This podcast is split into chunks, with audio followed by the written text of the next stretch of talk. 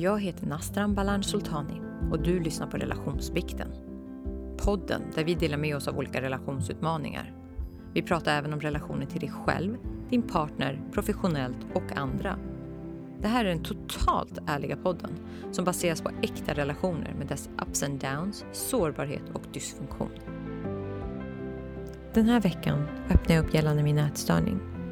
Det är inte det lättaste samtalet jag har haft och det är inte heller helt enkelt att dela med sig så här öppet. Men eftersom jag känner att ätstörningar tyvärr är mer vanligt än vad man skulle önska så hoppas jag att min historia kan ge mer insyn i hur en ätstörning kan te sig. Jag delar med mig om hur jag gömde mat och min liknelse mellan min ätstörning och alkoholism. Jag berättar också om hur jag som har haft en ätstörning har en radar för andra som har ätstörningar. Allt jag säger i det här avsnittet är utifrån min egen erfarenhet och det är mina egna personliga åsikter. Ärligt och öppet som vanligt. Hoppas att det kan hjälpa någon. Varmt välkomna!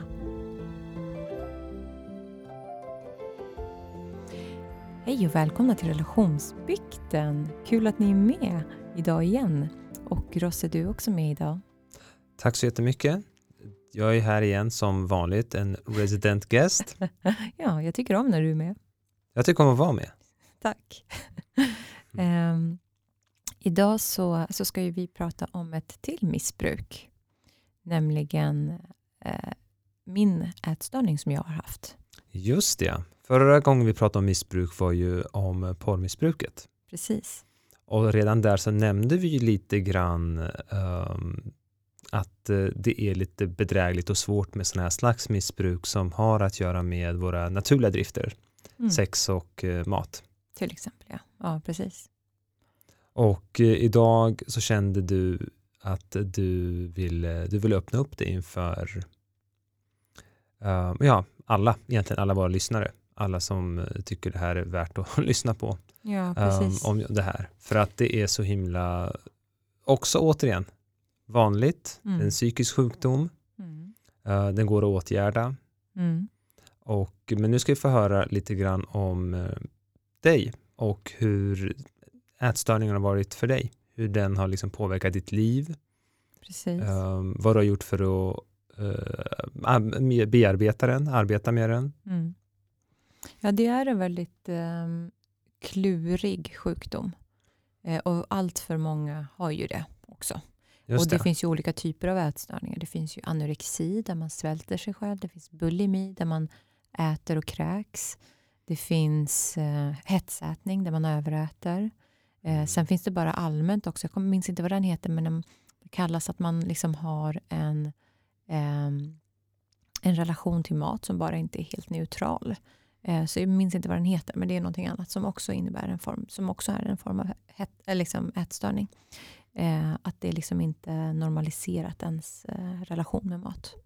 Mm, så man har en onormal relation till mat på ja, ett annat precis. sätt också, utöver de här du har nämnt, de här ja, mer precis. kända anorexi. Finns, och det finns kanske fler också.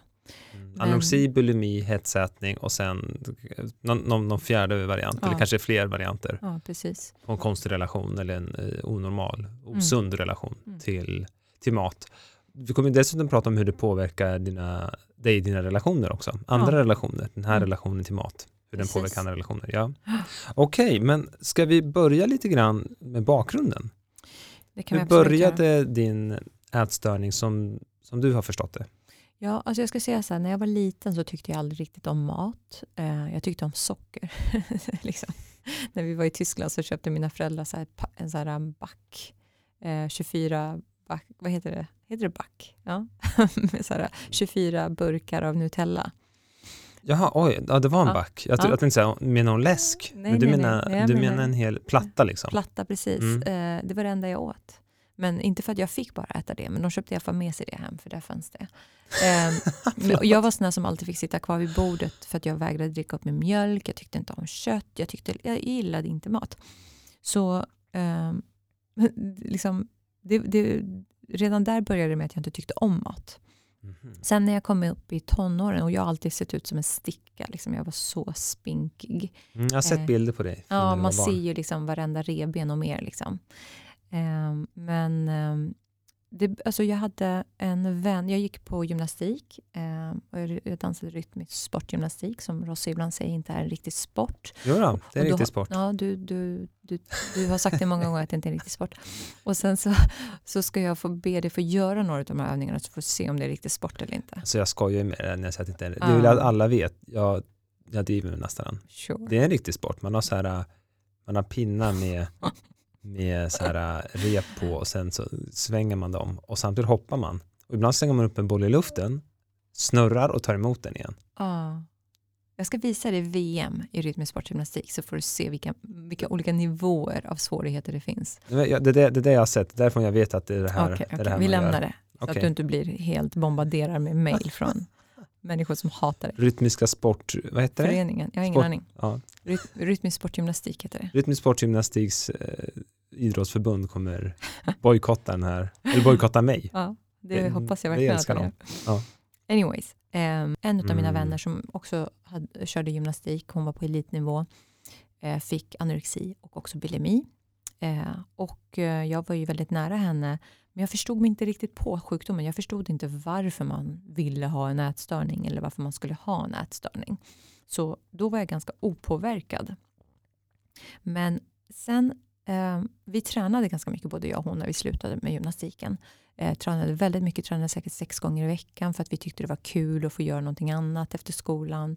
Eh, och sen så skulle vi iväg och resa till Ayia Napa när jag var 16 år.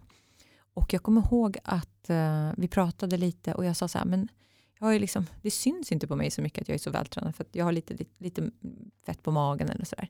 Då sa hon någon kommentar som liksom så här, eh, ja men du kanske ska prova att gå ner några kilon. Och det var helt harmlöst. Och det var helt harmlöst. Så jag tänkte så här, ja men det ska jag göra. Och i hennes värld så var det, det var något hon kontrollerade annars? Ja, hon, hon kunde hade, göra det? Mm, hon okay. hade en ätstörning. Um, men just då minns jag inte hur hennes ätstörning var, för den gick också upp och ner. Uh, och när hon sa det till mig så hade det fanns ju inga konstiga avsikter, utan hon sa det bara som, ja men du kanske ska prova att gå ner lite. Liksom. Mm. Eh, för jag var inte spinkig då, då hade jag kommit in i puberteten, hade fått lite liksom, fett på magen och sådär, vilket inte jag var inte alls överviktig heller. Men eh, så jag började ganska sunt att liksom byta ut, vi åt ju jämt på McDonalds, så jag började byta ut pommes frites mot en sallad. Eh, och sen så var det liksom några veckor kvar innan vi skulle åka iväg på semestern och eh, jag jobbade på McDonalds och det ena, eh, liksom, från att jag bara började äta lite mer sunt till att jag gick en hel dag och att inte äta. Och sen så på kvällen så tog jag en, liksom en milkshake på vägen hem för att jag inte skulle vara jättehungrig. Och så kunde jag gå och lägga mig. Var det för att du skulle kunna ta den här milkshaken som Nej. du åt på hela dagen? Nej, jag åt inte hela dagen. Och så tog jag en milkshake, dämpade hungern och så gick jag och la mig. Mm. Men det var liksom en liten milkshake. Eh, eller så tog jag ett nudelpaket. Så det gick väldigt snabbt från att vara någonting sunt till att jag började äta väldigt, väldigt lite. Eh, och jag gick ner några kilon och jag hade, träffade min kompis efter några veckor. Vi hade inte setts på några veckor och hon liksom bara, vad har du gjort? Så det är som en hardcore bantning, ja, gjorde du? Mm. verkligen. Svälte dig själv? Ja, mm. gjorde jag. Eh, och hon var så här, vad har du gjort? Mm. Kläderna bara hänger på dig. Och jag bara, nej jag har inte gjort så mycket. Jag bara liksom tagit bort lite så här, där, där. Och hade någon undanflykter. Men det var, syftet var ju den här resan och jag blev skitsnygg tyckte jag till den här resan. Får jag fråga en sak? Ja? Den kommentaren, vad har du gjort, kläderna hänger ju på dig. Mm. Hur fick den kommentaren dig att känna? Jättebra, jag hade ju lyckats. Mm. Jätte, jättebra. Så det var en bekräftelse på att du ja. hade lyckats? Ja, ja. absolut. Mm. Och sen så när vi kom till den här resan, då gick jag tillbaka till normalt. Då började jag äta normalt igen. Var inga konstigheter, för målet var ju den här resan, att det bara skulle sitta snyggare. Och när jag kom tillbaka hem så tänkte jag inte så mycket mer på det. Jag fortsatte äta som vanligt och normalt. Så det, det, den händelsen i sig skapade inte min ätstörning. Sen året efter så skulle vi iväg och resa igen och då tänkte jag att nu ska jag dra igen lite igen. Den här gången var det svårare, jag var inte riktigt lika motiverad eller jag var inte lika duktig på att hålla igen. Gick mhm. ner lite grann. Men igen då när vi kom ner så kände jag att jag vill ändå hålla det här. För jag hade inte gjort något extremt, jag hade bara tänkt lite på vad jag hade ätit. Jag hade tränat lite. Och jag kommer ihåg att min då kompis och det här är så, när man själv har en ätstörning, då är man väldigt vaken för andra människors ätstörningar. Mm. Och man är väldigt vaken för hur andra äter. Och beter sig en människa på ett sätt som antingen triggar en för att det är jobbigt, eller att man själv vill egentligen också inte äta så mycket, eller vad det nu kan vara. Man, man ser det. Alltså, ens, man är så vaken på andra människors matbeteenden. Mm -hmm. Så min kompis var så här, jag hade varit ute och joggat en morgon och hon sa så här, vad har du gjort? Jag var så här, nej men jag var ute lite och hon var så här, vadå? Har du varit och tränat? Um, ät, äter du inte tillräckligt? Vad, vad, liksom håller du på? Du vet, och då, det blev en grej för henne. Och jag, skulle liksom, och jag tyckte inte om att det blev fokus på mig på det sättet. Så då började jag liksom säga, nej men jag, jag äter som vanligt och det är inga konstigheter. Och så var vi ju, vi var ett stort tjejgäng eh, och vi var ute och festade. Och jag har aldrig varit en person som tycker om att äta när jag så fylleäta, fyllemat. Jag, för när jag dricker alkohol, till skillnad från många människor, för det, jag får så motsatseffekt. Alkohol ska ju stimulera hungern. På mig blir det totalt tvärtom. Det blir som mm. ett stopp. Det sätter som ett lock för mig. Jag, jag, får liksom, jag blir inte alls sugen på mat. Så fylleäta har aldrig varit något för mig. Men då skulle ju alla till Burger King och då frågasatte de varför äter inte du? Och jag är så här, men jag har ju aldrig ätit. Eh, och eh, jag eh, blev liksom, det, de var liksom på mig och då kände jag så här, men då tar jag en jävla burgare då. Mm. Fastän jag inte någonsin har ätit mat på fyllan på det sättet. Och så tog jag den och så mådde jag illa av den. Och så gick jag in på toaletten och så tänkte jag så här, ska jag prova att kräkas? Jag har aldrig kräkts i hela mitt liv. Jag vet inte hur man gör, men jag provar. Och jag stoppade fingrarna i halsen och det tog några försök och så kom det upp lite grann. Och jag kände så här, yes. Mm. Är det så här? Jag kan välja att äta precis vad jag vill och kräkas och se ut som jag vill. Så jag kan kontrollera maten. Och den, det var där det började. Och, eh, wow. Jag, jag tänker lite grann på det här med att du beskriver det här, det här matmissbruket och att en annan missbrukare kan se det. Jag mm. tänker lite grann på alkoholister som tar gisslan på någon annan. De, mm. de, ser när någon dricker, hur mycket någon annan dricker, har lite koll på allas drickande, har koll på sitt drickande. Mm. Uh, och att det påminner om samma sak till att börja med. Det är det mm. första jag tänker på. Uh, finns det någon koppling där mellan de här två skulle du säga? Det finns jättemycket kopplingar mellan de här olika missbrukarna, men jag vet inte om det är just det. Men mm. jo, det, det, är det ju. En person som, jag tror så här, jag som har haft eh, under senare åren var det ju mer överätning, hetsätning. Det var, det var en kombination av bantning och kräkning. Det var liksom bulimi och hetsätning hade jag. Mm. Så jag antingen bantade jag eller så hetsåt jag. Mm. Ja, så bulimi, det är när man Äter och kräks efteråt. Äter och kräks, okay. ja. Man bantar, bantar, bantar och till slut så klarar man inte att svälta sig själv och så överäter man och så kräks man upp det. Alltså, och, och, när man bantar, bantar, bantar, är det anorexi? När man bara bantar och svälter sig själv, då är det anorexi. Mm -hmm. Bulimi är när man kombinerar bantningen och då tillfälligtvis så överäter man jättemycket och sen så kräks man upp det. Men syftet okay. är fortfarande att gå ner i vikt. Okej, okay, just det. Målet är all, med alla de här är, eller med de här två i alla fall, ja, att så, gå ner i vikt, ja. hetsättning och alltid dämpa ångest förstås, höj någonstans, men okej. Okay. Mm. Så, eh, så det här började då bli eh, jag, liksom, jag gick tillbaka till att äta normalt efter varje resa, men det gjorde samtidigt att det här beteendet av att kunna äta och sen kräkas efteråt kom igång efter, och det här var ju när jag var 17 år, men någonstans när jag var runt 19 så började jag må ganska dåligt. Ja, när du var 19. Okej, okay, ja. så, så, så, så, den första resan, är det när du är 17 år? 16. 16. Andra resan, det är då, 17. då du inser det här, jag kan spy ja. och okej. Okay. Mm. mm. Och eh, dels så går det ju lite tillbaka till att när jag var liten så var jag den här eh, duktiga flickan, perfektionisten, eh, kontroll, otroligt kontrollbehov. Mm. Eh, det här var liksom verktyg för mig för att på något sätt överleva och känna att jag eh, liksom, gjorde allting perfekt så var det kanske ingen som kunde titta på mig inuti eh, och säga att jag inte dög. Alltså, mm. Håller jag upp allting i fasaden så går det liksom inte att komma förbi den här fasaden och se den verkliga jag. Men eh, jag mådde ganska dåligt i många år när jag var yngre. Jag mycket depression, mycket tankar och det här blev lite min kanal för att få ut ångesten. För jag eh, hade ganska mycket ångest. Jag hade väldiga prestationskrav på mig själv. Och på något sätt så blev den här ätstörningen och att få kräkas tillfällig relief från den här ångesten som jag kände. Mm. Och eh, på det här, för en bulimiker är sällan jättesmal. För en bulimiker får ju ändå i sig mat. Oftast mm. är man, mhm. normal, man är normalviktig, så man är oftast inte speciellt spinkig. Ska jag säga. En bulimiker. En mm. bulimiker. Mm. Och jag var ju där. För när jag var ute och reste i Asien så åt vi ju så mycket. Och då mm. kom mycket av den här ätstörningen igång igen. För att vi åt så mycket skit. Det var bara fokus på mat för att vädret var så dåligt. Vi prickade verkligen in de tre månader i Asien när det bara regnade. så det enda vi gjorde, jag och mina vänner, var att åt. Mm. Så vi alla gick upp flera kilon. Men eh, jag hade svårt att... Jag gick upp så pass mycket så att jag, liksom, jag vantrivdes i min kropp. Mm. Eh, och det gav mig ännu mer ångest. Och på något sätt så blev det här också ett sätt för mig att misslyckas på. För Jag skulle mm. lyckas på alla andra fronter, men för mig själv misslyckades jag. Eh, det vill säga att jag såg inte ut så som jag ville. Jag kände mig, jag blev äcklad av mig själv och min liksom, brist på disciplin. Eh, jag använde mig av den här eh, liksom, att kräkas och det liksom stund, alltså tillfälligt när man när jag tog till att kräkas så kändes det bättre. För då fick jag bort den här andra ångesten som jag hade. Men direkt efteråt så var jag ju totalt bedövad i kroppen. Oh, ja. det, är bara, det, det, det är en så äcklig sjukdom.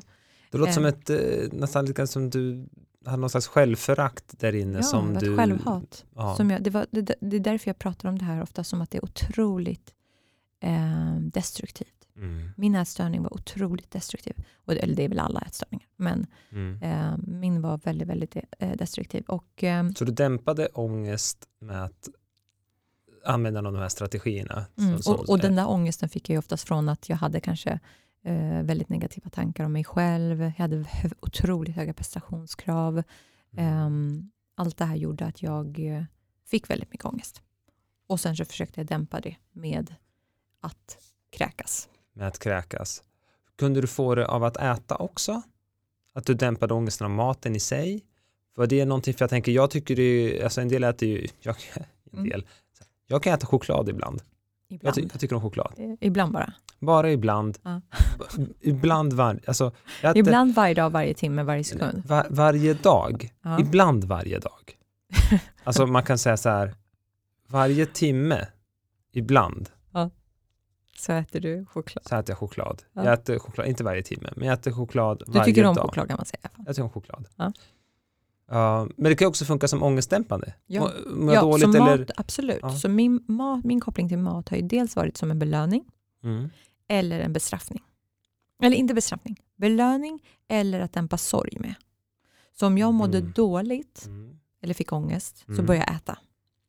Och sen så, och sen så när jag väl började mm. äta så kunde jag inte sluta. För att då hade jag ju redan förstört min bantning. För jag bantade ju alltid. Aha, så din enda utväg i slutet var att spy? Ja. Så du bara köra hela Precis. löparlinan ut? Precis, löparlinan ut, hata mig själv tillräckligt mycket och för att kunna kräkas ordentligt så behövde jag bli så pass mätt så att min magsäck höll på att spricka. Så att du kunde typ må illa? Ja, och då var det lättare att kräkas. Och det är det som är så, förlåt, jävla absurt det här okay. beteendet. Men eh, så ja, och det här var ju också så här, jag ska också säga att ätstörning är ju bland de bästa flykterna eller missbruken att ha för att slippa tankar och för att dämpa ångest och för att fly från saker och ting. För att du går konstant och tänker på det. Mm alltså, du, in i det helt ja, hållet. Du räknar kalorier, du räknar hur du ska göra av med kalorier, hur mycket var den där maten egentligen? Du har strategier för hur du ska banta, hur du ska gå ner med vikt ännu mer. Du räknar timmar. Du räknar timmar, du räknar, du räknar allt. Hela tiden, konstant, konstant, konstant, konstant, konstant går din tanke. Och mm. är det inte det så är det lögnerna. Hur ska jag ljuga mig ur de här situationerna? Hur ska jag manipulera de här situationerna? Jag skulle säga att en, en, person som har ätstörning, och jag baserar det här från mig själv och de människor som jag har känt runt omkring mig som har ätstörningar, sen vet jag inte om alla är så, man är otroligt duktig på att ljuga, otroligt duktig på att manipulera. Tycker man det eller är man det? Man är det. Okay. Man lär sig och blir otroligt duktig. Sen ska jag säga att en person som, som jag, som är ätstörd, går inte på de här manipulationerna och lögnerna. Jag tror mm -hmm. att mhm. det är svårt att bullshit a bullshitter. Medan mm. om du skulle fråga mig så skulle jag säkert kunna manipulera det ganska bra. Mm. Mm. Ehm, och eh, för det är, och liksom, speciellt om man har anorexi eller så, eller man är i sin bantningsfas, då håller man sig också undan väldigt mycket från sociala eh, tillställningar som är kopplade till mat. Så man kan också bli väldigt ensam under de här situationerna. Men, så, så skulle, ja. ja, förlåt. Du, du, får avsluta först. Nej, jag skulle bara säga att, liksom att det är, en, det är en jättebra, ett jättebra missbruk för kontroll. Och jag tror också att många, man kanske kan ta till ätstörning av olika skäl. I mitt fall så var det att jag ville bara gå ner lite i vikt, men det handlade inte om vikten. Det handlade om att jag mådde inte bra inuti. Eh, och jag försökte hitta någonting som jag kan kontrollera, eftersom inte jag kan kontrollera hur jag mår. Jag kan inte kontrollera omvärlden enligt mig själv, så jag kontrollerar min mat. Okej. Okay. Men så det började en gång i tiden med att du ville bli lite smal inför en resa mm. och sen så upptäckte du andra sätt, eller andra nyttiga delar av det, eller nyttiga med, inom citationstecken. Mm. Och det var att uh, dämpa ångest, flykt, mm. uh, få utlopp för kontroll. Mm. Um, ja, och jag tänker så här. Um, du säger att du skulle kunna manipulera mig idag till exempel, för jag, inte, jag, har, jag vet ingen nätstörning, jag, jag, kan inte se sånt. Så. Mm. Gör du det? Jag tänker. Eh, jag har ju inte haft, nej. Jag, jag vet, det var en hård fråga så här, du var inte beredd på det. Nej, nej, nej, jag tycker det var bra. För att jag tror så här, att om man en gång har haft ätstörning, precis som man en gång haft ett missbruk, så tror jag inte det går att lita på den personen fullständigt, alltså när det kommer till det. Jag måste alltid akta mig. Eh, jag kan mm. inte bete mig på ett sätt kring mat som är eh, högmodigt. Jag kan inte ha en övertro till mig själv och min inställning till mat. Nu har jag, sen vi träffades, varit ganska transparent kring min mat mm. och jag har ju senaste åren inte haft en ätstörning. Så jag lyckades till slut bli av med den. Eh, så jag skulle säga nej, jag, ja, så här, jag kan ju ibland känna att jag vill äta lite mer än vad som kanske är normalt. Mm. Eh, men jag känner att jag har så pass bra kontroll, vilket är så fel för att en person som har, man har ingen kontroll. Men eftersom inte jag har haft en ätstörning på väldigt länge så upplever jag att jag har koll på det. Så jag behöver inte ljuga och manipulera för dig. Och jag har ju till och med sagt att du, det där blev lite för mycket igår. Så jag behöver faktiskt var, ha lite watch out nu. Eh, men nej, jag tror inte att jag har ljugit för dig. Tvärtom så har jag nog bara varit väldigt ärlig, tror jag. Mm. Eh, för ibland kan du kommentera att så här, och, det, det, och det kan vara provocerande för mig, det har jag sagt till mm. också, att jag tycker det är riktigt jobbigt att höra det. Mm. För det, det förtar lite njutningen för mig, uh, att du äter mycket. Mm. Och, och sen jag... säger du sen så här, ja. jag är så mätt, alltså jag mår nästan illa. Och det, mm. där kan du säga en gång i veckan nästan. Ja. Om, om, ja. om någon middag. Och i synnerhet när man är ute och käkar och det är gott eller det mm. finns någon buffé eller någonting annat. Mm.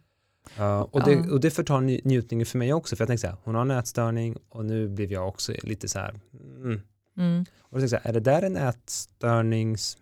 Doppar ja. du tån i vattnet då? Är det det du gör? Ja, kanske. Alltså så här, jag, jag tolkar ju min ätstörning till att om jag får ångest efteråt så har det för mig blivit en ätstörning. Om jag får ångest och ångrar mig och känner så här, om det påverkar min självbild, då tycker jag att jag är och doppar eh, tårna. Mm. Men jag har inte fått det. Nej, okay. Jag har inte haft ångest för hur jag har ätit på, jag minns inte hur länge nu, om det är 6-7 år. Utan jag har ätit för mycket, konstaterat att det har blivit för mycket. För min ät, jag har ju alltid varit sån, jag älskar ju sötsaker. liksom, jag älskar ju god mat. Så det blir lätt att jag kan äta lite för mycket och få lite ont i magen. Men det väcker ingen ångest idag. Mm. Eh, och skulle det väcka en ångest, det är då det blir problem. Så ångesten är signalen för dig? Ångesten är signalen och, min, och tankarna i huvudet är min signal. Okej. Okay. Så associationen till vad det är du faktiskt gör, hur du får ja. det. Okej. Okay. Ja, okay. Så vad har du mer att berätta om hur du faktiskt mådde under ätstörningen? Eh, för du har varit inne på det lite grann. Ja, men det var mycket ångest, mycket ångest, mycket självhat. Mm. Um, um, liksom på grund av att jag dels inte var disciplinerad, dels på grund av hur jag såg ut upplevde jag. Eh, och sen så tog den också väldigt, väldigt mycket energi från mig. Mm. Och den, liksom, den påverkar såklart min självkänsla, eh, mitt självförtroende, eh, eftersom inte jag klarar av det. Um, och sen liksom det här med att um, den här kontrollen som jag hade, den, den ökar ju på mitt kontrollbehov. Och jag hade ju liksom, jag var ju antingen konstant på diet, eller jag var nästan alltid på en diet, ska jag säga. Mm. Om det inte var um, Atkins eller LCHF eller att jag var väldigt strikt i vad jag skulle äta. Och sen så fick jag de här äh, slintarna av att äta jättemycket och då hade jag en sån period ett tag. Och sen så tillbaka på det igen och ångesten. Mm. Ehm, jag tog tabletter i form av, jag provade så efedrin ett tag men det funkade inte på mig för jag blev så himla trött och dålig. Ehm, jag mm. köpte de här tabletterna som var på apoteket som heter Alli en sommar. Ja. Eh, eller vad de heter, jag minns faktiskt inte, men jag tror att de heter Alli. Som tar upp fett i kroppen. Eh, och nu har de ju tack och lov tagit bort det från eh, hyllorna, för den, det står ju så här, har man inte BMI över normalt så ska man inte, har man inte en BMI som är liksom överviktig eller fetma så ska man inte ha dem. Men mm. det var ju mest ätstörda människor som gick och köpte de här. Mm, det kan jag tänka mig. Eh, och eh, sådana tog jag. Jag köpte ju väldigt mycket så här tabletter från hälsokost som eh, skulle hjälpa mig att ha en bra ämnesomsättning. Och det är så sjukt för att du ser ju idag, jag är ju väldigt smal. Mm. med en ätstörning där jag skulle kontrollera så var jag 10 kilo större. Just det. Och där vaknade vår lilla son. Ja, han har legat här bredvid oss och sovit fram tills nu. Mm. Jag, jag går och hämtar honom. Ja. Yes. Hej Loris!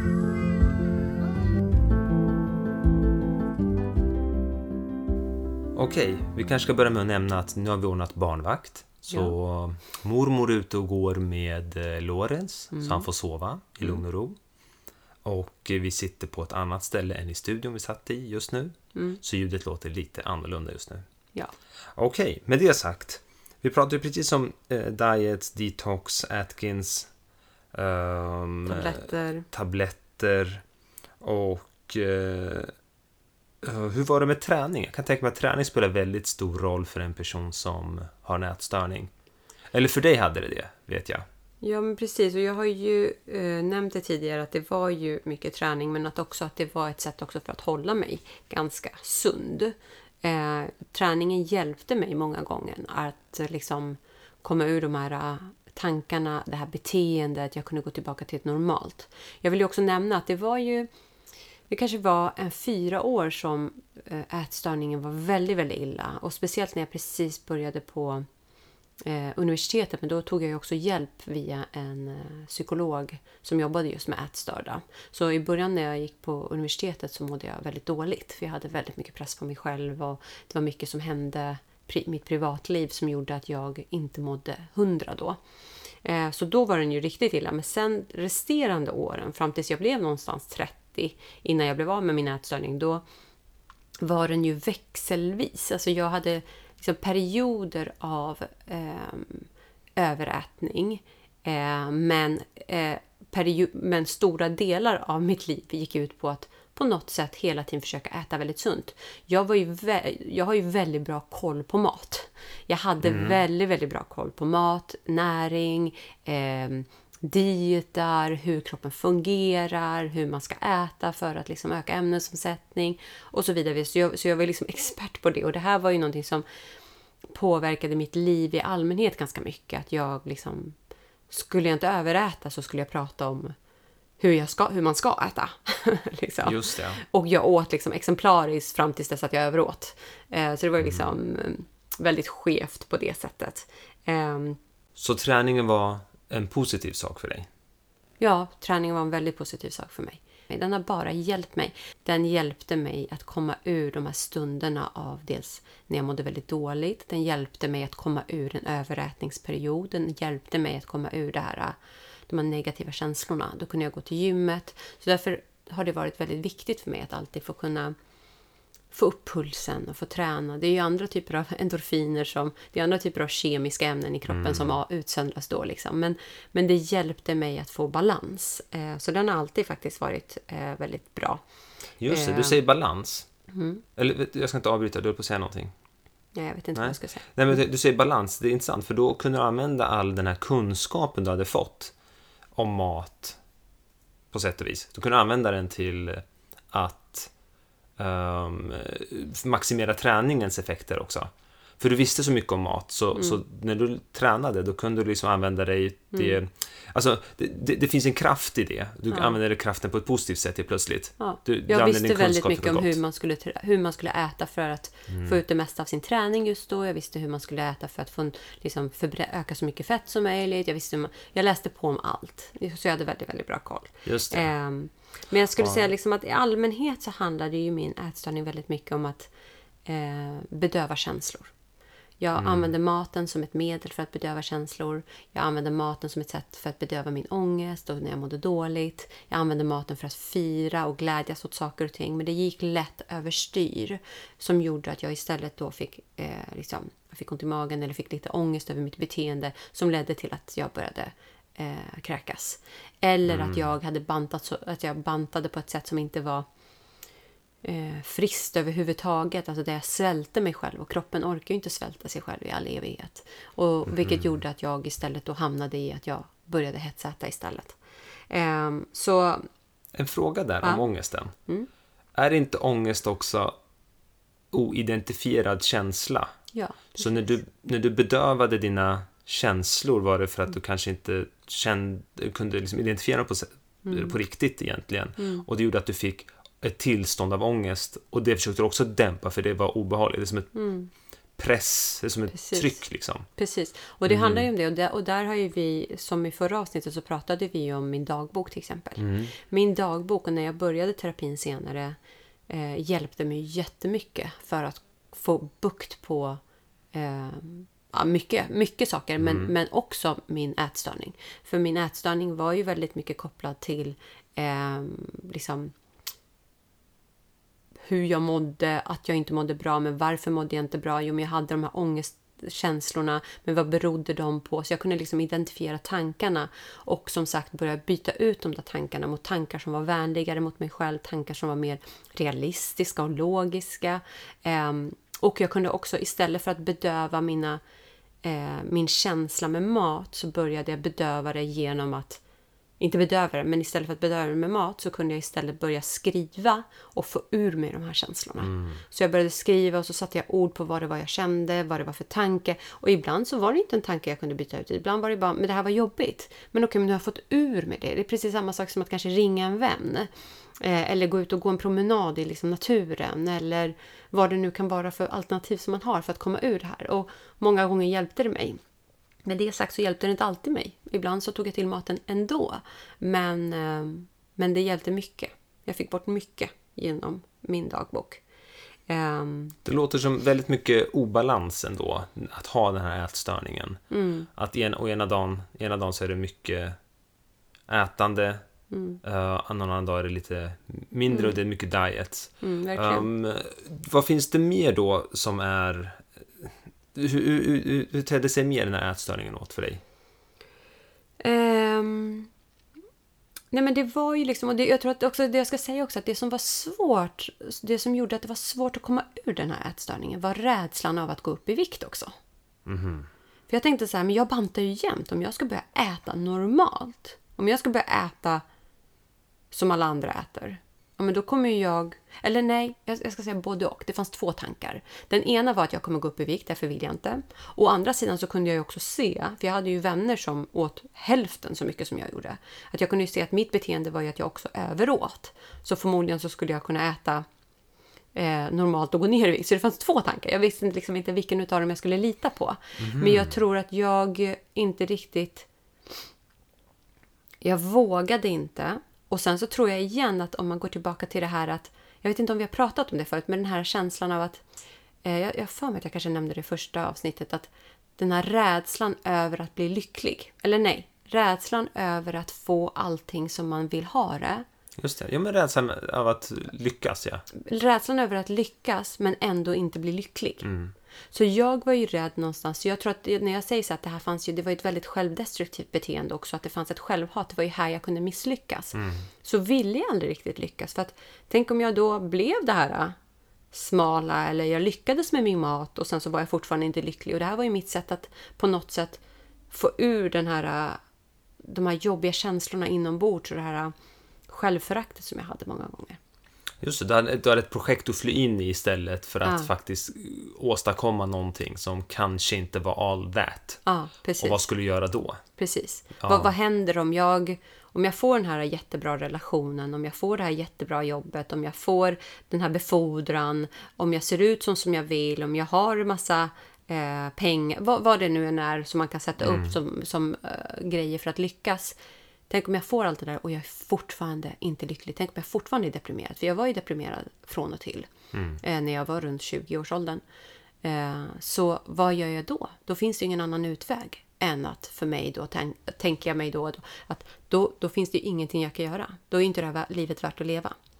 Så Just det var ju en rädsla kring det också. Att tänk om, jag blir, tänk om jag lyckas men inte blir lycklig. Så det här var ett sätt för mig själv att hela tiden misslyckas också. Att inte komma dit, att behöva ta på det. Intressant. Eh, Hög igenkänning på mitt eh, sexmissbruk och det. Ja, precis. Ja. Jag hade också massa korta förhållanden. Också var rädd att faktiskt lyckas med ett förhållande på sätt och vis, alltså indirekt. Eh, och att det här liknar det lite grann. Att Det är dömt att misslyckas, men då har jag eh, en ständig, ett ständigt projekt, ett ständigt ny high, en ny romans att gå in i. Och för det var en ny diet, en ny ett nytt sätt att förhålla sig till mat hela tiden, gång på gång. Och nu ska du lyckas, men du vet någonstans innerst inne, så du pratar om dubbla tankar, att vilken strategi ska jag köra egentligen?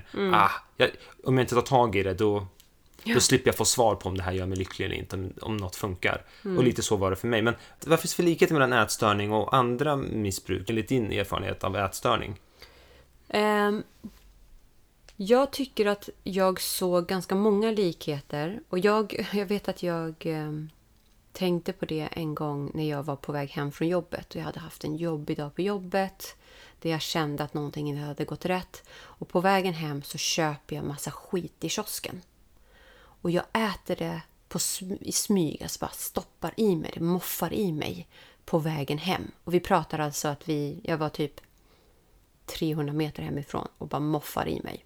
Vad äter du då? En Snickers och en... Nej, men alltså, jag, eh, jag minns inte, men förmodligen allt. Alltså, jag köpte säkert en bulle, en donut, en massa choklad, eh, glass. Alltså jag vet inte. Men jag, jag Oj, ä, äter mycket. Ehm, och jag liksom gömmer mig lite för att inte min dåvarande pojkvän ska se mig liksom från balkongen. Så jag gör det här på vägen hem. Kiosken ligger liksom en bit ifrån oss bara. Och sen så eh, är jag ju... Jag mår ju så illa. Jag är för du vet, jag fortsätter ju äta när det är ont i min mage. Då fortsätter jag äta. Eh, och sen så typ döljer jag alla spår. Jag slänger alla papper i papperskorgarna innan, innan jag kommer hem. Och så kommer jag hem och är bara... Jag har sån ångest för vad jag har gjort. Jag är bara så bedövad. Jag är... eh, Alltså jag hatade mig själv och jag kunde liksom inte ens titta honom i ögonen. Utan han var så här, hej hur är det älskling? Och jag var så här, hej, eh, jo men det är bra. Eh. Och så var jag bara bedövad resten av dagen för jag kunde inte kräkas heller för han var ju hemma. hemskt. Och jag bara kände så här, när jag gjorde det så kände jag så här, men gud jag är ju en alkoholist. Fast med mat. Och det fanns ju andra tillfällen där jag eh, där vi kanske hade någonting, eller jag köpte saker när han inte var hemma och så åt jag och så gick jag och slängde soporna innan så att han inte såg att jag hade ätit. För att han kunde inte se paketen av saker och ting. Jag hade ju vänner som när de var i sin eh, anorektiska stad, eh, fas där det, och bodde hemma till exempel och deras mamma hade koll på, på, på min kompis då. Då kunde ju hon liksom skära upp skivor av bröd när mamman inte var hemma använda sig lite av smör, slänga de här grejerna liksom i en papperskorg så att mamman tror att hon har ätit frukost. Så att mamman tror att hon har gjort saker och ting. Så det finns en otrolig liksom, stor likhet mellan eh, tycker jag, ät, att ha olika typer av ätstörningar och andra missbruk. För dels är det ju dopaminen. Liksom man får ju dopaminpåslag när man äter massa socker och massa grejer. Det handlar om flykten från känslor som också är liksom vad jag förstått att man gör när man har andra typer av ätstörning, eller vad säger andra typer av missbruk.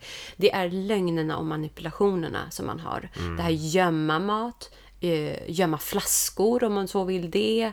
Eh, man liksom, Flask... Ja, just det. Från, från ett, Ja. från ett eh, en eh, alkoholist till, ex- till exempel. Ja, du jämför nu? Ja, nu Okej, jämför jag. Mm. Eh, så, så jag tycker att det var... Det finns väldigt många eh, likheter. Och som jag har varit inne på tidigare, att man är liksom duktig på att ljuga, man gör det utan att blinka, man gör, man gör, man gör allt för att eh, komma runt det här och liksom låtsas. Ehm, Återigen så låter det som att det, det här är, som jag sa förut, att det, det, alltså det är ett heltidsjobb. Mm, verkligen.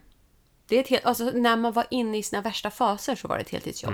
Det var inte som så att jag gick och tänkte på det här konstant annars. Men ehm, annars så, ja, det, perioder så var det här, upptog det här väldigt mycket tid. Eh, och ehm, då gick det ju före allt.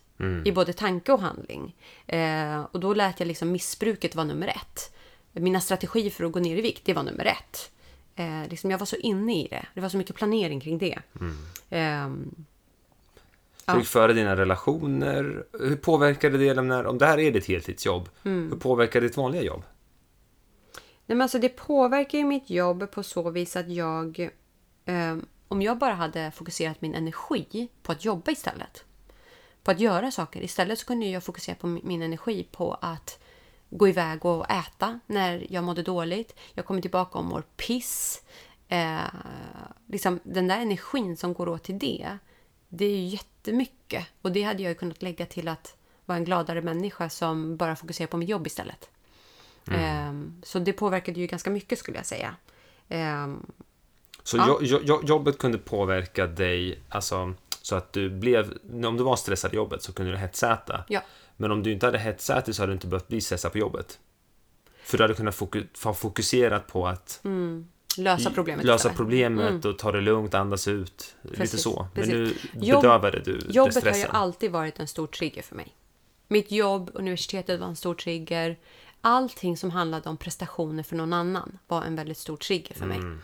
Där jag behövde lyckas i andras ögon, där jag behövde vara perfekt utåt. Det var sådana saker som var stora triggers. Och eftersom jag oftast har haft jobb som är högpresterande jobb på företag som är attraktiva, på tjänster som har varit attraktiva, eh, så har jag ställt väldigt höga krav på mig själv. Ehm, och även om jag har presterat bra så har inte det varit... Liksom, inför varenda utvärdering på jobbet så trodde jag att jag skulle få sparken i många år. Wow. Varenda utvärdering så var det så här, nu kommer jag komma dit, de kommer säga att jag inte är tillräckligt bra. Eh, De kommer säga att jag inte kan vara kvar för att jag inte, alltså, för att jag inte gör ett tillräckligt bra jobb.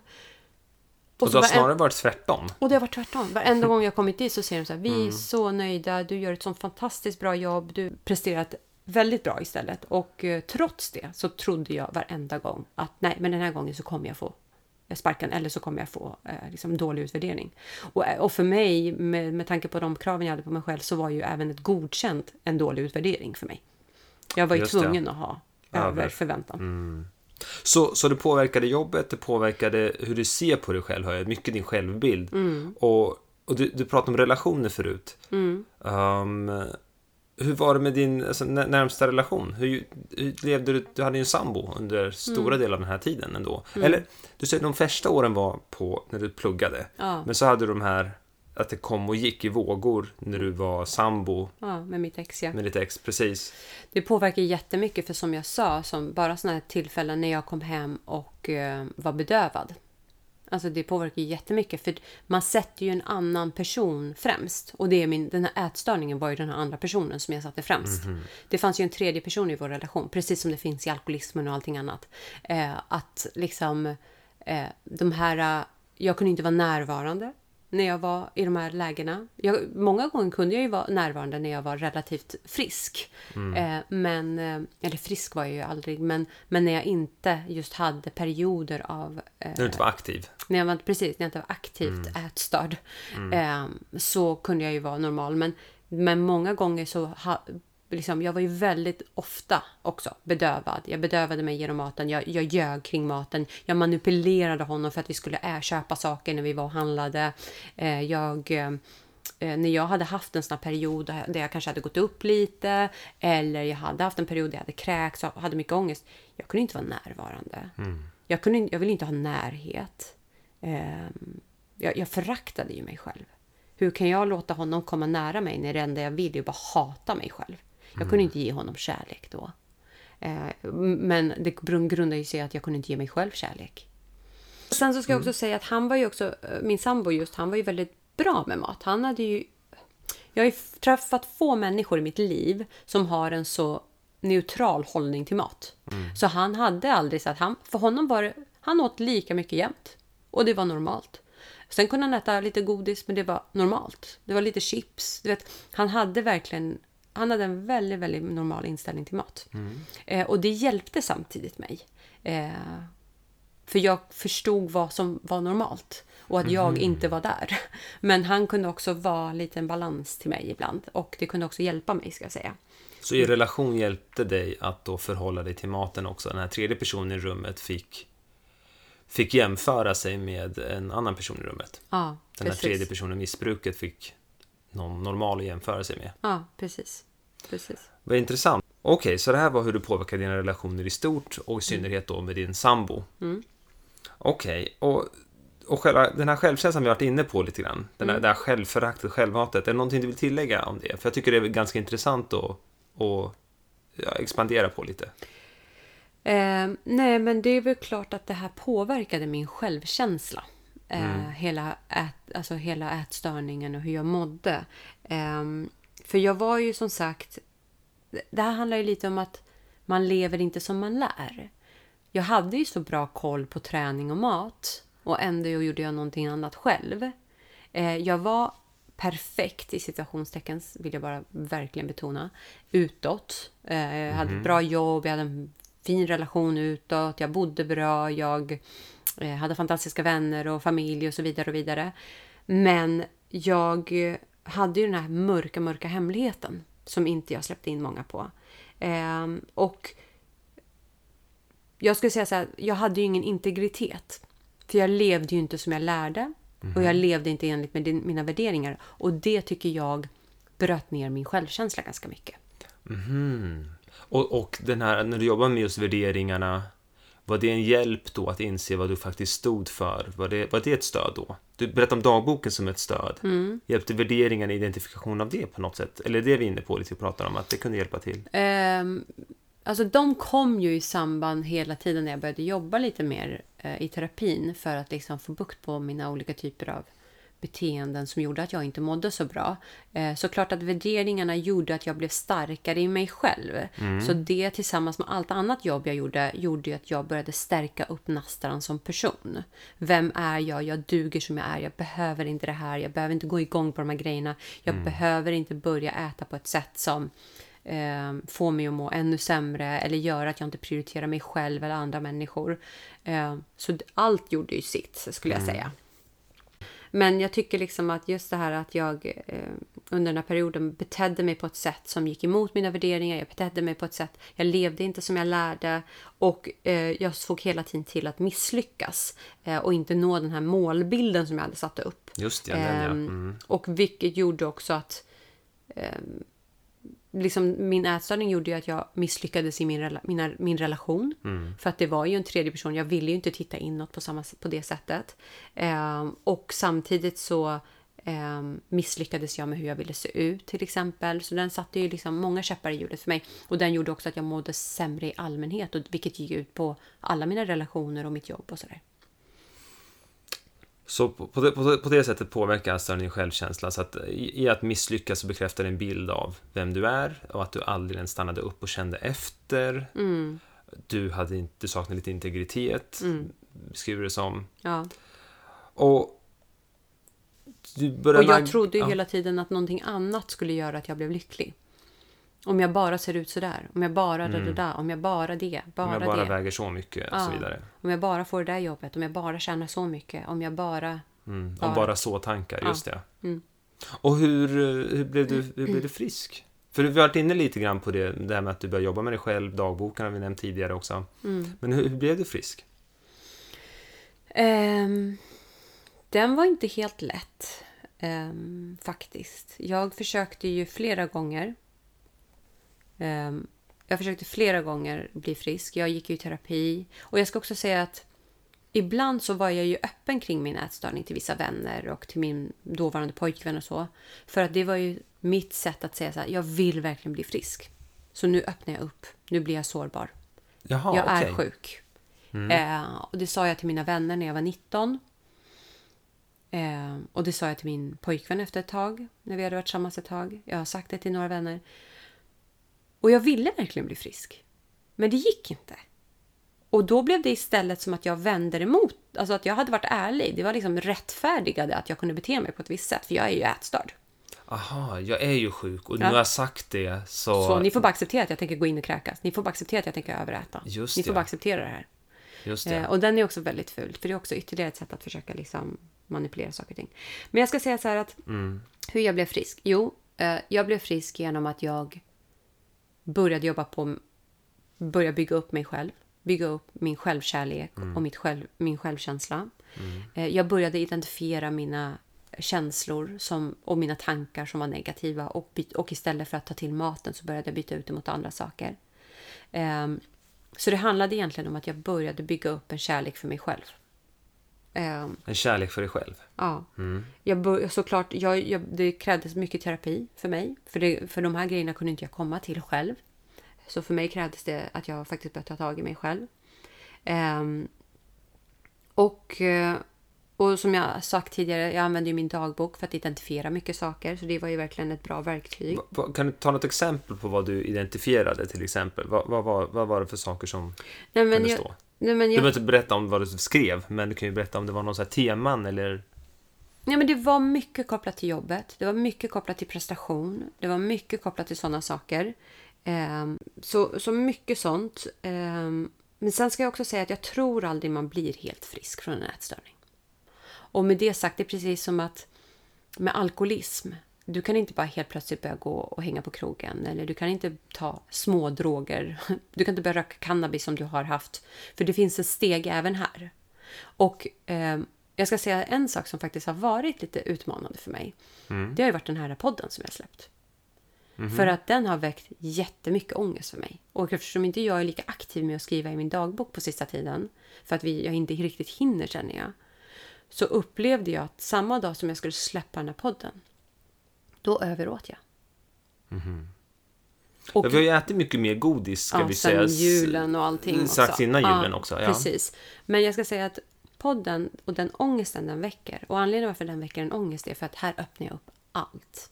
Jag för alla? För, för alla, hela Sverige, som om hela Sverige lyssnar. Men, alltså, mm. men de som vill kan lyssna på det här. Och det väckte sån otrolig ångest för mig. För att jag kände så här, igen, nu gjorde jag någonting som gick emot, jag, jag gick starkt emot mina rädslor. Mm. Eh, och eh, det var jobbigt. Och jag kände så här, vad ska människor tycka? Vad ska människor tänka om mig? Tänk om det här påverkar det och det? Eh, tänk om någon blir arg? Tänk om någon blir irriterad? Alltså, jag, tänk om folk, eller det värsta, tänk om folk missuppfattar mig. Tänk om de uppfattar någonting jag säger för att de inte känner mig tillräckligt bra eller jag är inte tillräckligt tydlig med vad jag säger. Att de uppfattar mig felaktigt. Så det väckte mycket mm. ångest. Så den kvällen jag släppte den här podden så åt jag för mycket. Och då igen kommer vi tillbaka till, men blev jag ätstörd då igen eller inte? Nej, för redan dagen efter så kände jag så här, det där var inte bra Nastrand. Du fick en ångest och du dämpade den med maten nu måste du vara försiktig. Nu får du inte fortsätta på det här sättet. Nästa gång du får ångest så måste du skriva i din dagbok istället. Du måste göra någonting annat. För annars skulle det här kunnat lett till. Och en annan liksom watch out är ju också mm att mhm. vi har ju ätit väldigt mycket skit i många veckor nu. Mm. Eh, där det har varit, alltså... Jo, men i, ja, men samband med julen och innan julen. Ja. ja, alltså varje kväll har jag ätit enorma, kopiösa mängder sötsaker och chips och allting. Och jag är så glad att jag inte gör det nu idag. För att jag var ju tvungen att sätta ett stopp. För hade det där fortsatt så hade jag lätt kunnat komma in i ett felaktigt beteende. Mm. Så nu höll jag på i säkert två, tre veckor att äta så. Och det, mer? Ja, kanske mer. Till Fem veckor, lätt. Ja, jag vet inte. Men det jag menar är att så kan inte jag hålla på. Jag måste hålla mig till ett normalt med tanke på. Det är mm. precis som att en person som har haft anorexi kan inte börja banta. Det går inte. Okej, okay, vad, vad spännande. För att de här senaste veckorna har jag också identifierat att jag har ätit för mycket och, av sött och chips och så. Men jag liksom bara, jag bara ler åt det. Alltså i mitt huvud, jag bara, mm. ah, vad gott med choklad mm. igen. Mm. Och tänker så här, det är ju för mycket just nu. Mm. Men mm. fuck it. Det är jul. Och så kör jag liksom och tänker så här, en dag ska jag sluta. Och nu, mm. vad är det, den, den 5 januari 2021, vi spelar in det här. Uh, så har jag varit koffeinfri och sockerfri typ. Mm. Jag har ätit någon så här som äter frukt sent på kvällen. Um, I fyra dagar. Och det, det var inte så svårt. Det var, första dagen var det lite svårt, för jag vet vad min go-to är. Men så upplevde jag att du också var. Att du också bara, redan igår, så varken jag eller du gick... Nej, och det, men det är det jag menar. Ja. Att alltså, jag hade det här... Det väckte ju ingen... Jag tyckte ju också att det bara var kul. Jag tyckte också att det var gott att bara äta. Mhm. Men när det har gått fem veckor eller tre veckor, av att, då har det ju blivit ett beroende. Då är ju kroppen beroende av det. Ja, så är det. Och, för jag kände ju varenda kväll att så här, vad ska jag äta nu? Vad, jaha, vad, vad öppnade så kylen så hade låg det... Nej, men vi, hade hur, vi har hur mycket som helst hemma. Eh, och då kände jag bara så här, Nastran, nu måste, får inte du bli högmodig. ja, För ditt högmod. högmod får inte komma in och tro att du är starkare än den här sjukdomen. Mhm. Och den är jätteviktig. Att jag får inte tro att jag kan börja banta. Jag får inte Mm. tro att jag kan äta hur jag vill, vad jag vill och att jag ska klara av det. Tack och lov brukar jag oftast klara av det. Men högmodet får inte ta över. Jag får inte tro att jag är större än min sjukdom. För gör jag det, då kommer jag falla dit igen. Mm, Jag hör också en, ett, ett, ett mått av självrespekt här. Att du respekterar dig själv och du respekterar också att den här sjukdomen är större än dig. Ja, Så det, det, en det liksom- acceptans och och en ödmjukhet. Ja, ödmjukhet. Precis, att du vet din storlek här. Ja. Och jag är inte större än min sjukdom. Nej. Tillfälligt, kortat, jag är det om jag sköter mina kort. Då är jag större än min sjukdom. Mm. Men sköter inte jag mina kort så jag är inte det. Och där kan jag vara en bidragande eh, orsak eller så. Jag kan säga att jag äter kebabtallrik två dagar i rad, i förrgår och igår. Och det gör jag, det gör jag så extremt sällan. Men jag, blev så, jag fick en sån här craving, så jag åt det två dagar i rad. Det skulle du aldrig, tror jag, tror jag kunna göra, äta kebabtallrik två dagar i rad. Jo, det skulle jag kunna göra. Men just kebabtallrik skulle jag kanske inte äta. Nej, det är det jag menar. Nej men alltså jag skulle kunna äta pizza. Alltså det är så här, jag älskar ju både... Jag älskar ju pizza och pasta och burgare. Men jag älskar ju också god, alltså god mat. Där, värdering. Jag älskar ju också mat som faktiskt är bra för kroppen. Jag gillar ju andra saker. Grytor, soppor, eh, sallader. Ja, men det är jag med, såklart. Nej, men alltså om du får välja så skulle du leva på hamburgare, korvar, eh, pizza och pasta varenda dag i veckan. Utom en dag. Ja, utom en dag. Och min kanske Då är jag tvärtom. indiskt. Ja, precis, då vill du ha indiskt med namnbröd. Nej, men, och jag kanske är lite annorlunda. Tvärtom, jag tycker om en balans mellan dem. Ja. Okej. Du, du tycker om balans i maten, just det. Ja. Så det låter som en svår sjukdom att komma ur. Mm. För mat är någonting som vi äter, det har varit inne på tidigare. Och du har, du har lite eh, principer, får man kalla det. Inte inga regler, utan det är principer egentligen. Mm. Um, och hur håller du dig frisk? Vad har du för verktyg? Du har varit inne på några, men du får gärna... Ja, eh, nej, men som jag nämnde, jag får absolut inte börja en diet. Jag kan inte, får inte börja tänka på det. Vad är en diet? Är det till exempel att ta bort någonting? Nej, en diet är för mig, ska jag säga. Det, diet är väl egentligen att kanske ta bort någonting. Men en diet för mig handlar om att, ehm, att jag ska förändra min kost med avsikten att gå ner i vikt. Aha, okej. Börja räkna kalorier specifikt, Ja, eller? det behöver inte ens vara det, men det kan vara så här, jag tänker dra igen, jag tänker skippa det för att jag vill gå ner i vikt. Eller det där. Eh, Jag menar, som Mhm. jag nämnde förut, jag kan ju äta på vissa sätt. Som till exempel, jag har tagit bort mejeri periodvis, jag har tagit bort glutenmejeri eh, och lite socker. Bara för att jag har ju fått tillbaka jättemycket psoriasis sen Mm. efter graviditeten. Jag har haft problem med mina leder. Så jag har ju provat att ta bort saker och ting för att se om jag kan bli friskare. Sen, och liksom få bort de här inflammationerna. Så jag har ju tagit bort saker för att liksom dämpa inflam- inflammation i kroppen. Det kan jag göra utan att det triggar en enda grej hos mig. Men om jag skulle börja tänka tanken att jag ska göra det här för att jag ska gå ner i vikt eller jag ska göra det här för att hålla vikten eller jag ska göra det här för att bli snyggare. Ja, men då är jag inne på en farlig mark. Så dels Okej. det, Att aldrig... relatera till vikten. Ja, eller utseendet på något sätt för mig. Eh, och sen har jag varit inne på det här med högmodig, högmodig min, hö, mitt högmod. Att jag får inte eh, låta det ta över. Och en annan sak som håller mig eh, frisk är tacksamheten och ödmjukheten. Och vad jag menar med det är att jag har ju, nu faktiskt inte på några månader sedan Lorentz föddes, men innan så körde jag en tacksamhetsbön varenda morgon eller varenda kväll. Där jag antingen skrev i min dagbok vad jag var tacksam över eller repeterade för mig själv som en bön vad jag var tacksam för över dagen. Att kunna se tacksamhet, att kunna se det ljusa i saker och ting, även om det är mörkt eller även om allting är positivt. Det skapar en otrolig ödmjukhet och det skapar en för mig en eh, syn på livet som var att jag fokuserade på det som var bra istället för det som var negativt. Mm. Och genom att fokusera på det som är bra så blir jag inte bitter, jag blir inte en martyr, jag tycker inte synd om mig själv. Tvärtom så tycker jag att mitt liv är fantastiskt. För mm. även om dagen har varit hemskt, hemsk så kan jag vara tacksam för att jag är frisk. Jag kan vara tacksam för att våra barn är friska. Jag kan vara tacksam för dig. Jag kan vara tacksam för att vi har tak över huvudet.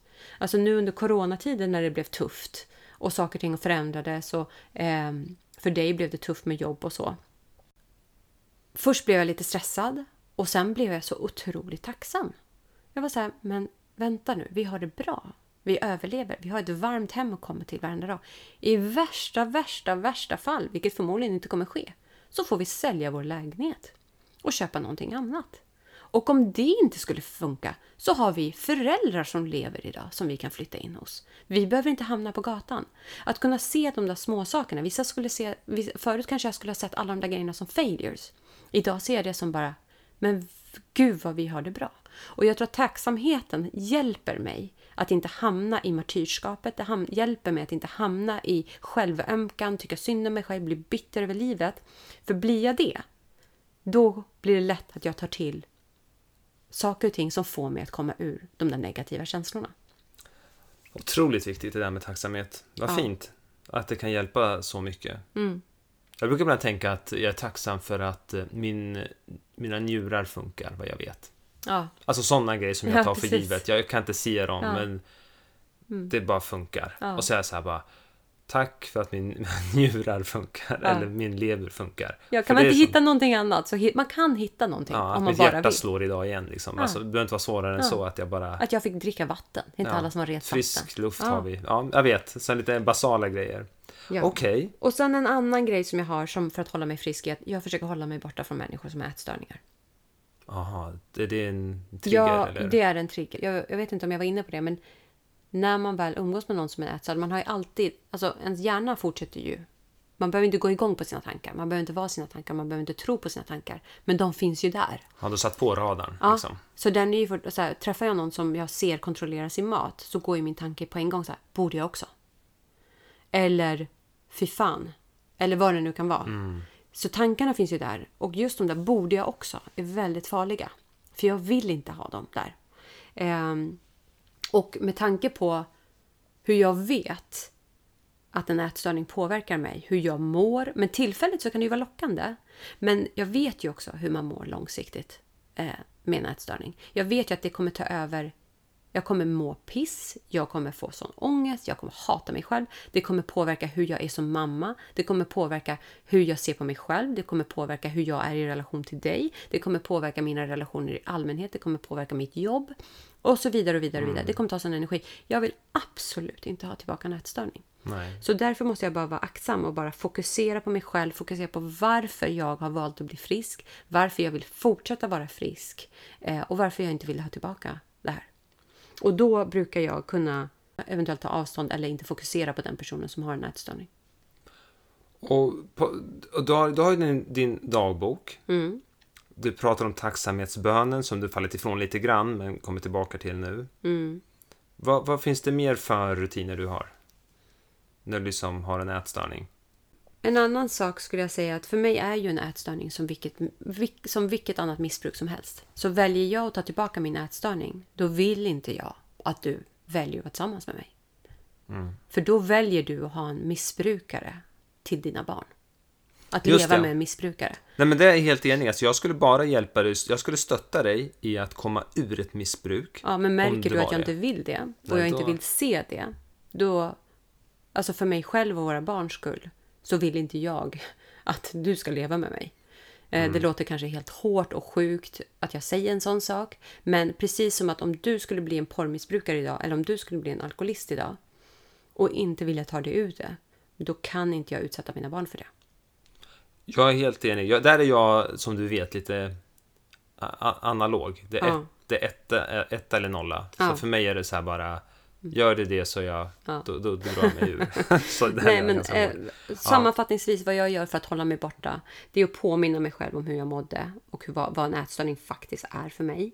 Eh, jag måste hålla mig till mina rutiner och det är liksom att fortsätta med tacksamhetsbönen, eh, skriva i min dagbok, våra känslostunder hjälper eh, och liksom det är ju klurigt för mat äter vi hela tiden så jag kommer i kontakt med det. Jag kan ju inte inte äta som man kan göra med dricka eller ta droger. Man kan välja att inte dricka alkohol. Man kan hålla sig borta från det helt, så man behöver inte bli triggad. Mat blir jag ju triggad av hela tiden. Mm. Så det handlar om att hitta den här äh, sunda inställningen och aldrig gå in och leka med elden eh, mm. för, äh, för länge. Att mm. det får inte vara en period av för mycket överätning. Det får inte, absolut inte vara en period där jag underäter. Utan jag måste liksom hitta den här balansen. Även om jag ofta tenderar att äta lite mycket, men att det inte får trigga någonting. Att jag helt enkelt ser det här som ett missbruk, som vilket annat missbruk. Just det. Och det, var, det är väl det som är nyckeln, att man ser det som ett missbruk ja. och in, inte bara en, en grej. Ja, det är, så, det är lika allvarligt mm. tycker jag. Mm. Eh, det finns ingenting jag glorifierar med en ätstörning. Nej. Alltså det är bland de värsta sjukdomarna jag vet. För att det här har påverkat mitt liv på ett väldigt negativt sätt. Och min självbild och min självkänsla. Och eh, jag ska också bara säga att, liksom att eh, till exempel anorexia är ju en av de eh, psykiska sjukdomar som har allra högst dödlighet mm -hmm. i procent. Mm. Det, är en, det, är en, hemsk sjukdom och det är väldigt många som inte blir friska. Eh, så skulle jag säga liksom att ser man en människa som har en ätstörning om man står den nära, försök att prata med den personen. Mm. Det är inte fokus, fokus är inte alltid vikten, utan fokusera på hur människan mår. Just det. Vad är man orolig för som anhörig eller som vän när man ser det här? Man, man, kan prata om sig själv, hur man själv mår. Ja, jag är också. orolig för dig. Jag är orolig det. för det här och det här. Mm. Um, visa att du älskar personen oavsett. Uh, och sen finns det ju olika ställen man kan vända sig till. Och till exempel bara på ätstörning.se finns det ju mer information man kan hämta. Um, jag tror att man kan liksom mm. kontakta sjukvården. Vårdcentraler har liksom psykologer anslutna. Um, det finns ju ungdomsmottagningar och BUP och så vidare. Som man kan vända sig till om man är förälder. Mm. Så det här är absolut ingen fin sjukdom. Och det här är ju första gången jag pratar om det så här detaljerat eh, och öppet. Och det är ju... Ja, det känns väldigt utlämnande men jag tycker också att det är viktigt. För jag har nog i många ögon eh, liksom bara varit en frisk person som har tränat mycket och eh, haft bra koll på mat. Men man har inte sett baksidan av det. Så det var det, dagens tema. Relationen mm. till mat. En osund relation till mat som kan bli hur den skulle kunna vara sund egentligen och hur det påverkar våra andra relationer. Mm. Verkligen. Relationer till sig själv och till relationer till andra. Mm. Ja, det var nog det. Du, det var... Du sa att jag var modig uh, när jag uh, talade om porrmissbruket. Jag skulle nog säga att det här är snäppet vassare för att det här är så himla relaterat till faktiskt vad vi gör varje dag. Jag menar, alla har inte sex varje dag, alla behöver inte ta på sig själv varje dag för att överleva. Vi behöver inte bli triggade tre, fyra gånger per dag. Det blir vi i att äta. För en person som har en ätstörning, att äta, det basala behovet av att få i sig föda. Sex är också ett behov. Mm. Men du kan gå utan att reproducera. Du kan gå ett liv utan att göra det och du kan bara leva. Så du men, säger att jag vann alltså? Jag vann modighetstävlingen mellan Du oss. vann modighetstävlingen. Bli inte högmodig nu. jo, det kommer jag bli. um, vad gäller det här får du bli högmodig, inte vad gäller maten. Nej men sk skämt åsido, det här är... Och det här är nog, jag vet inte hur många som har det jämfört med många som har sexmissbruk eller porrmissbruk eh, som vi pratade om. Men, men det här är också en sån, sån där bedräglig sjukdom, det har varit inne på flera mm. gånger, som som, det, det, är inte, jag märker om jag tar fram kanylen och stoppar in den i, i, liksom i armen eller om jag öppnar en flaska till. Det här är inte på samma sätt. Äta det måste man för att överleva. Mm. Och, ty och tyvärr tror jag att människor har det här mer eller mindre. Det är mm. inte så lätt i vår värld där det finns så mycket tillgänglig skit och skräpmat och det konstant skrivs i, liksom, på löpsedlar om hur man ska gå ner i vikt. Det är inte så lätt. Nej. Och massa bakprogram och... Ja, bakprogram. Mm. Det, är hela, det, är bara, det är så mycket. Så det är inte så lätt att vara Nej. Och ska vi fira någonting så är det ja. choklad, bakelse, tårta, godis ja. som kommer fram. Då. Och kommer man då, och har man också en familj där kanske någon i familjen har haft en konstig relation till mat eller själv bantat. En mamma kanske har tagit på sig på magen och sagt så här, åh vad jag har blivit tjock. Det här måste jag bli av med. vilket är vad många föräldrar eller många människor gör, Mm. Mm. så sätter ju sånt sig. Mm. Um, och jag vet, jag har faktiskt en kollega som jag pratat om det här med kroppshets och så med. Liksom, hur gör hon? Hon har två tjejer som är i tonåren. Och hon sa det att jag har aldrig i mitt liv påpekat en människas utseende. Hon Mm. bara, jag har alltid aktat mig för att prata om folk, vare sig de är snygga, inte snygga, långa, korta, större, mindre. Hon har inte påpekat folks utseenden framför sina barn. Och det tror jag är jättesunt. Och. Just det det. tar jag med mig, att försöka aldrig påpeka folks utseenden framför Lulu. Att, Eller inte, att, inte för den döm, delen. att inte döma eller bedöma folk Ja, att inte ens sätt. bedöma. Jag ska inte, jag, vad, vad har jag att uttala mig om folks utseenden? Mm. Varför, det, hur, hur gör man det på ett sätt där man, inte kan, där man inte sätter in värderingar? Och den är väldigt viktig. Att inte prata om åh, fint hår, långt hår, kort hår, lång, kort, Mm. stor, liten. Jag ska inte, jag ska inte hålla på och kommentera det. Det tror jag är ett sätt att försöka att inte ehm, skicka vidare den här ätstörningen till våra barn. Tack så jättemycket för att du vågade dela med dig. Det är din, det är din podd. Du bestämmer vad du vill dela. Men det här måste ju också varit en enorm äh, ångesthöjare på sätt och vis. Just Nej, sån- faktiskt här- inte. nej. Det här var ganska skönt. Det Men vi får det, se när jag ja. släpper avsnittet kanske det är en ångesthöjande. Ja. Men då Jag tar jag tror- dagboken istället. Då får du använda dagboken. Ja. Mm. Bra. Tack hörni för att ni lyssnade. Tack för att ni ville lyssna om mig och min ätstörning. Men jag hoppas att det ger någonting till andra som kanske kan känna igen sig. Tack, Så tack. Så tack för oss. Så tack. Vi ses nästa vecka förhoppningsvis. Ha det bra. Ha det Hej bra. då. Hej.